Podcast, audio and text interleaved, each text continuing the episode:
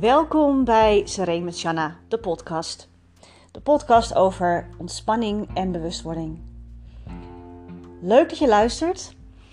En in deze aflevering heb ik het over hoe mijn detox verloopt of bijna verlopen is.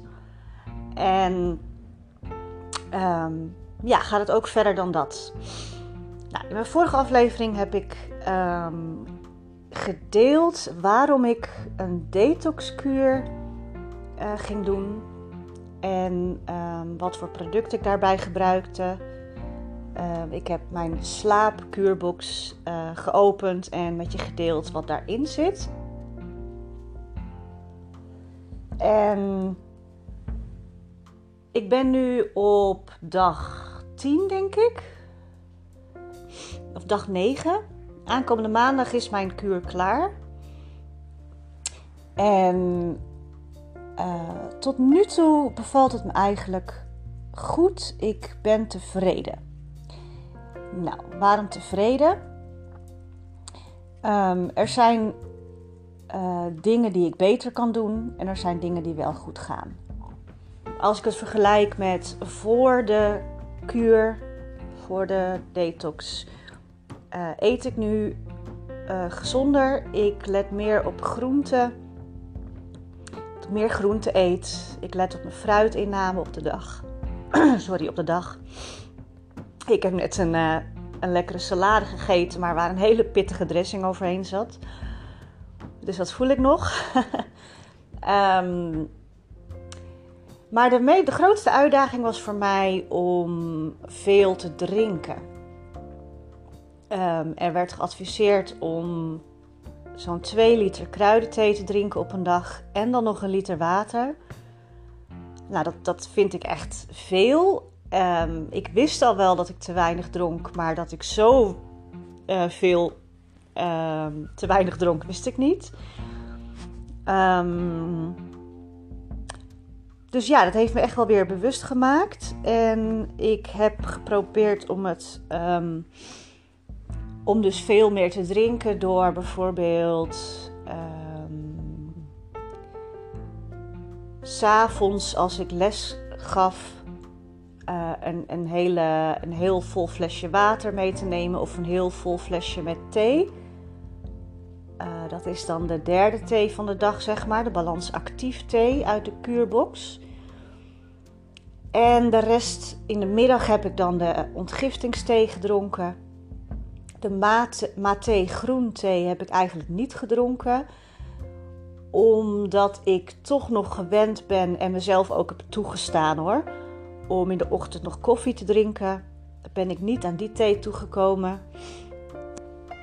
Um, maar daar heb ik vrede mee. Ik heb mezelf toegestaan om nog uh, twee kopjes koffie op een dag te drinken en een klein stukje chocola te eten.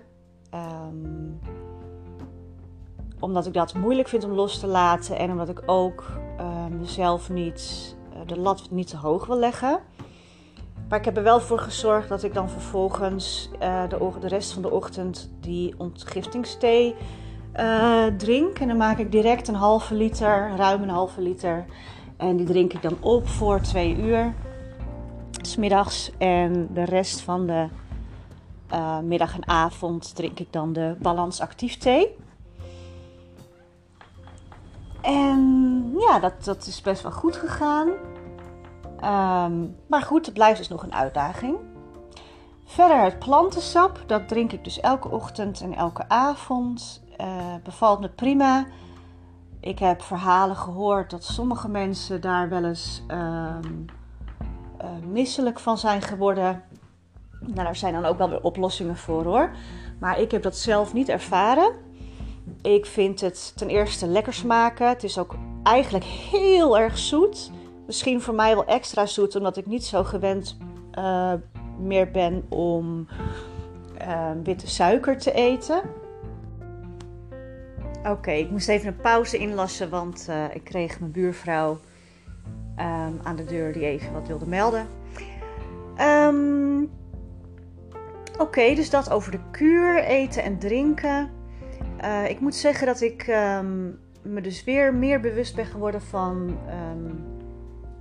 van, uh, van mijn voedingspatroon en mijn drinkpatroon. Ik ben meer gaan koken weer, eigenlijk elke dag weer gewoon gaan koken. En dat wil ik zo houden. En het meer drinken wil ik ook absoluut zo houden.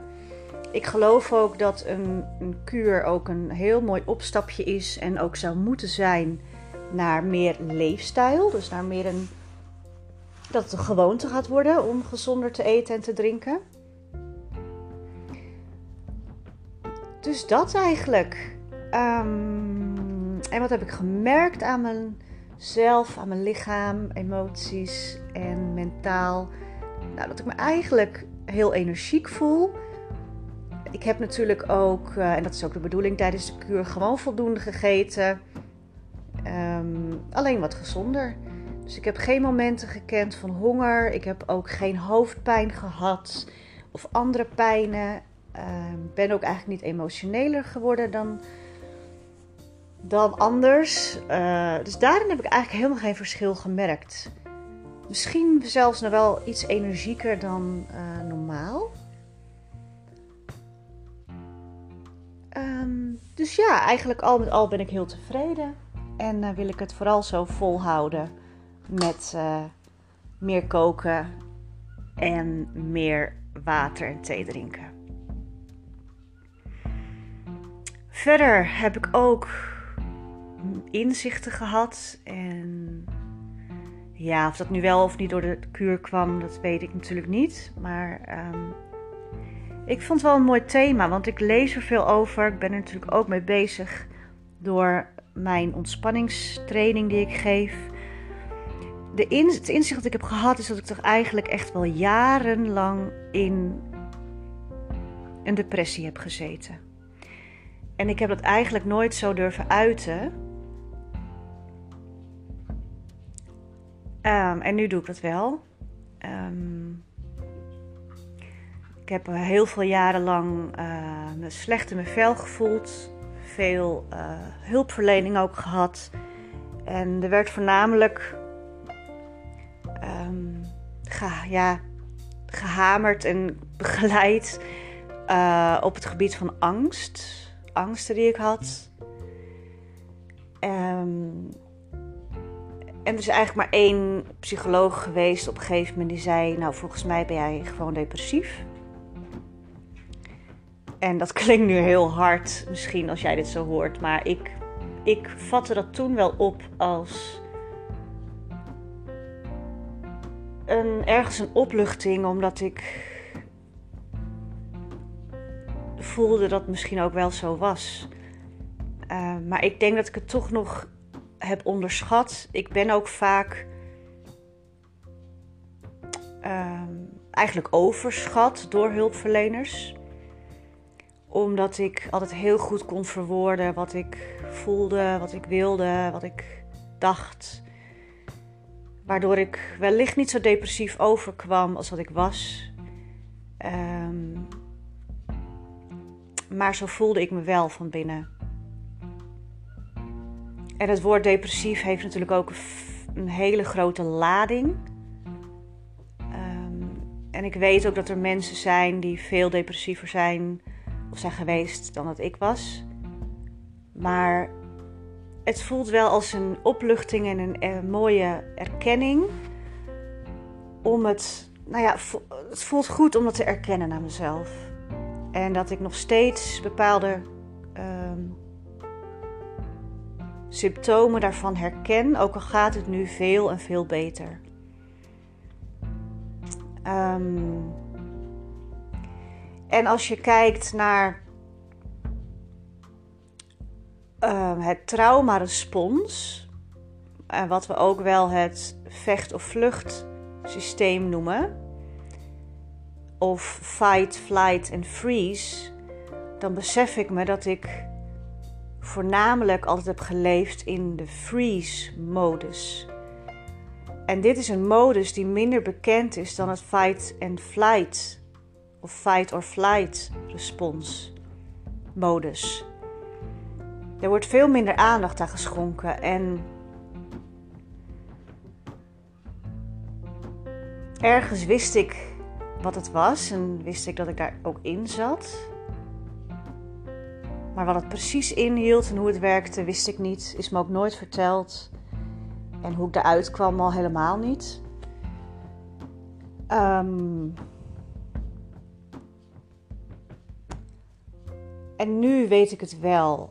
En ik denk ook dat de bevriesmodus waar mensen in kunnen komen te zitten, als die chronisch wordt, dat het dan ook wellicht een depressie wordt genoemd. Je kunt ook kortdurend in de bevriezingsmodus gaan, hè, bij acute angst, acuut trauma. Uh, maar het kan ook langdurig zijn en ik denk dat dat is wat wij een depressie noemen. Als je acuut getriggerd wordt en in de angst schiet, dat gebeurt op onbewust niveau in, door middel van het zenuwstelsel, dan kun je in de vechtmodus schieten. Je gaat vechten, weerstand bieden. Nou, dat kan letterlijk zijn. Je kunt het uiten, maar je kunt het ook van binnen zo voelen dat je wil vechten. Je kunt ook letterlijk gaan vluchten of gaan willen vluchten. Maar wanneer je bevriest, dan gebeurt er eigenlijk niets. En dan dissocieer je van je lichaam. En de spanning blijft in je lichaam. Je doet je op dat moment voor als dood. Je voelt je misschien ook dood van binnen. En daardoor kan de spanning niet ontladen. En word je um, ongemotiveerd, heb je heel veel moeite met bewegen? Vind je het eng om te bewegen of moeilijk om te bewegen? Uh, kom je tot niets? Uitstelgedrag. Um, en soms letterlijk in dezelfde positie blijven zitten of liggen. Uh, of heel veel slapen. Dat zijn kenmerken van een bevriezingsmodus, de freeze mode. En ik denk dat het allerbelangrijkste is dat je ten eerste dit gaat herkennen in jezelf. En om er vervolgens op een compassievolle manier mee om te gaan. En voor mij was het. Um, dus eigenlijk e-, ja, enkele weken geleden denk ik dat ik dat inzicht dus kreeg van hé, hey, dit is wat er eigenlijk alle afgelopen jaren is gebeurd, waarin ik in zat. En dat is iets wat ik heb onderschat. Hoe groot die impact is geweest en hoe erg ik daarin heb gezeten. Dat was een eerste erkenning. En dat voelde eigenlijk best wel fijn. En ik herkende het dus ook vanuit mijn eigen theorie of kennis nu die ik heb. En dan merk je direct al, als je het kunt erkennen, dat het opluchting kan geven. En een gevoel van liefde naar jezelf. Vaak zit er in die bevriezingsmodus heel veel schuld en heel veel schaamte. Dat kan zowel de oorzaak zijn als het gevolg. Je voelt schuld, je voelt schaamte en dan doe je maar niets. Want bang om het verkeerd te doen of verkeerd te zeggen. Bang dat je wordt gezien als de schuldige of degene die het niet goed doet. Maar het kan ook zijn dat je doordat je bent bevroren en doordat je daardoor tot niets komt, dat je daardoor schuldgevoel of schaamte ontwikkelt. Dus is het meer een gevolg. En dat herken ik ook heel erg. Ehm, en ik ben er nu sinds een tijd aan het uitraken. Ik merk het ook letterlijk bijvoorbeeld doordat al jarenlang is mijn huis bijvoorbeeld een rommel geweest, troep. Nooit echt opgeruimd, nooit echt schoon. En ik vond het verschrikkelijk, maar ik kwam er niet toe om het op te ruimen of schoon te maken.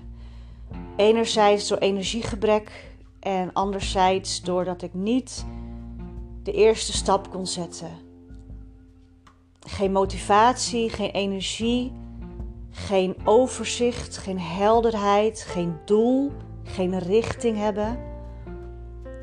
En dit draagt natuurlijk absoluut niet bij aan je welzijn wanneer je een huis hebt dat rommelig is en niet schoon.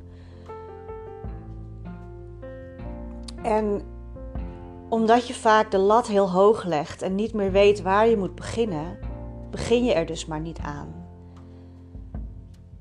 En ik denk dat bij mij het omslagpunt is gekomen van ja, dit wil ik niet zo langer meer. Dan raak je eigenlijk in een soort van rock bottom. Zit je ook weer heel erg in de schuld en schaamte.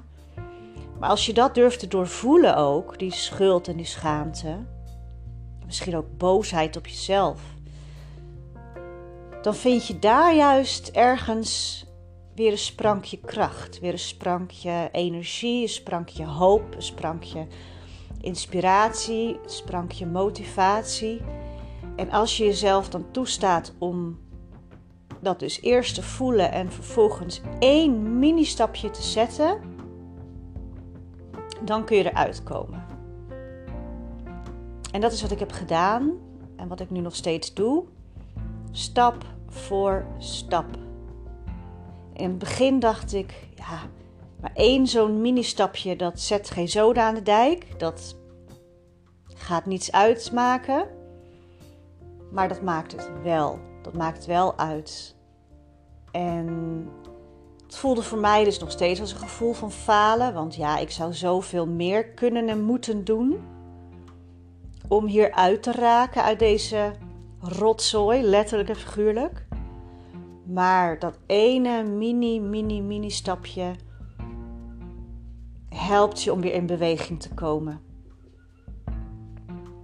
En ja, het is zo, ook in mijn ervaring, dat je dat kleine ene stapje wel iedere keer weer opnieuw moet nemen. Waarom? Omdat het een gewoonte moet gaan worden. Er moet letterlijk een nieuw pad in je brein gaan komen dat je gaat bewandelen, uitgraven, zodat het een, een steeds breder pad kan worden. Dat zijn letterlijk ook neurale paden dat mag de snelweg worden in plaats van een of ander zijpaadje dat je nooit hebt genomen of heel af en toe maar eens neemt. Dus het vergt compassie voor jezelf, het vergt geduld, het vergt toch steeds weer dat sprankje kracht dat je ergens vandaan mag halen, maar wat wel in je zit. En dan wordt het steeds iets gemakkelijker, gemakkelijker, gemakkelijker.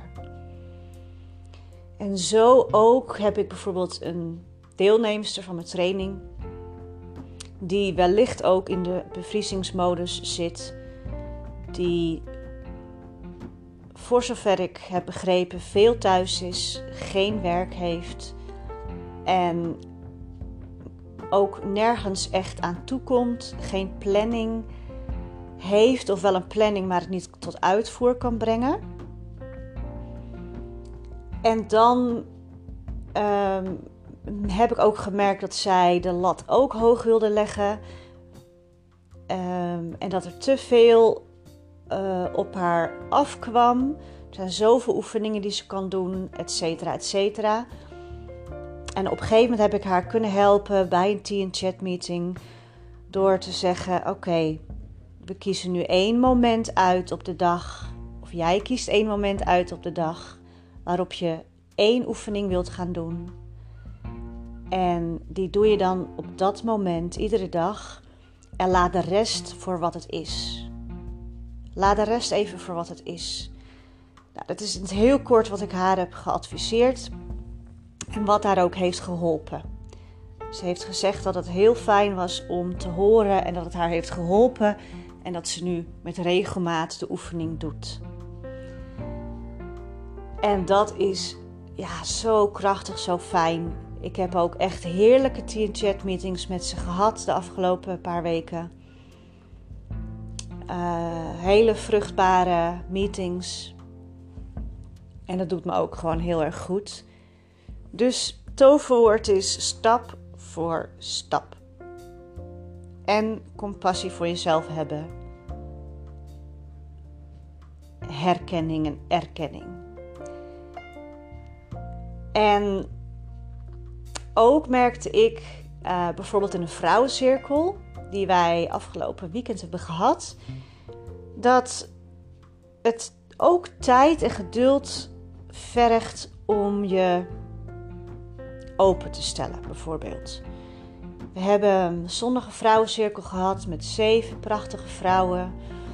En wij deden daarin een deelronde, waarin we na een, een getrokken kaart uit een kaartendek een thema, een, een, een zin hadden.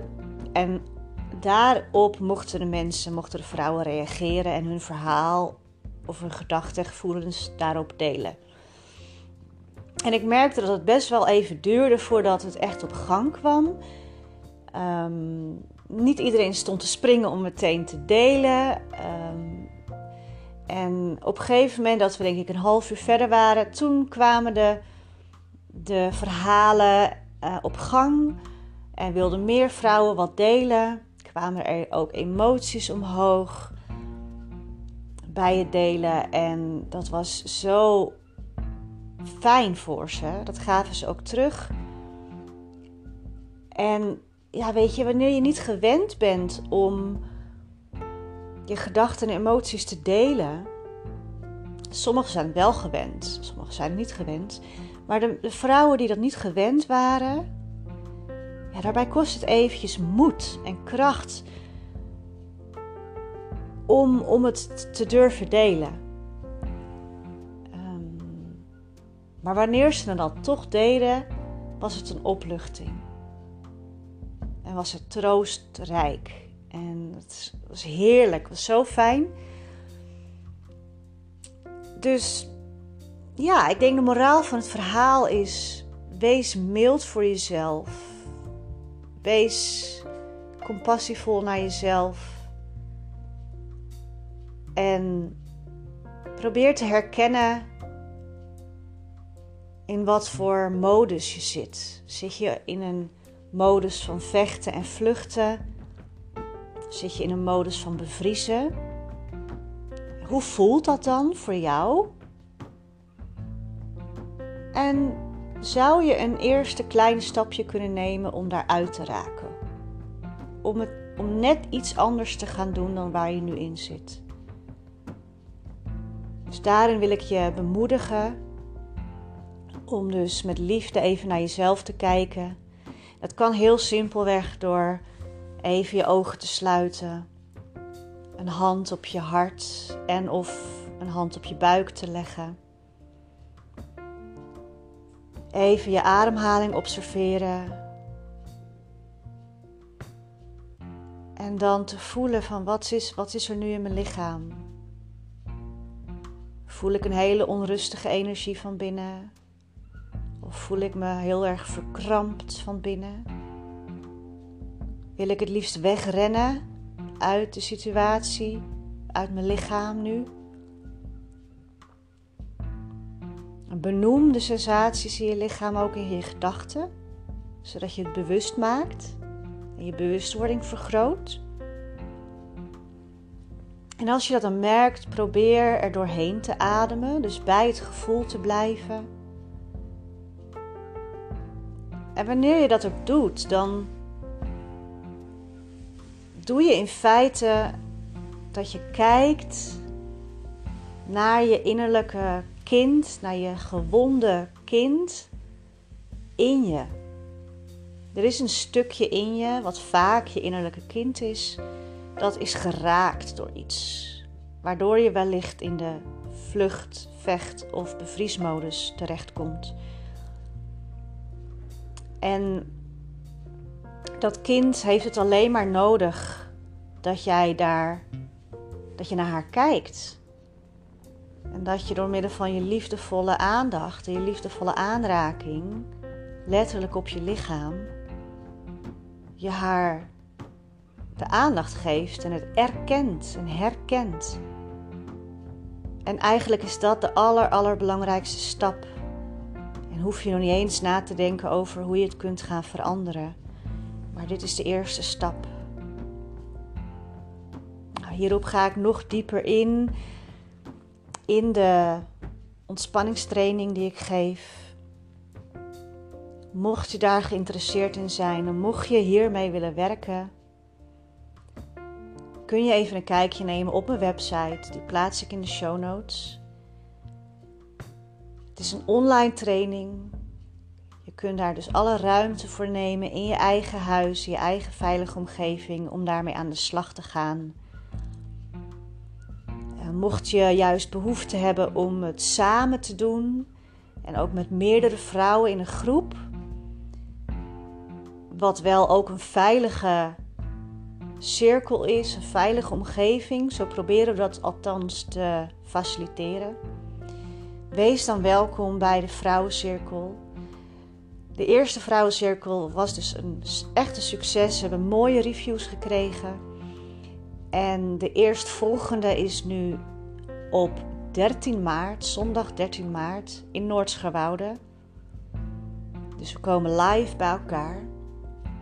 En we koppelen er naast delen en ontspanning ook een thema aan waar we mee aan de slag gaan. Dat is iets of iets creatiefs of een workshop um, die iemand geeft, een van de begeleiders.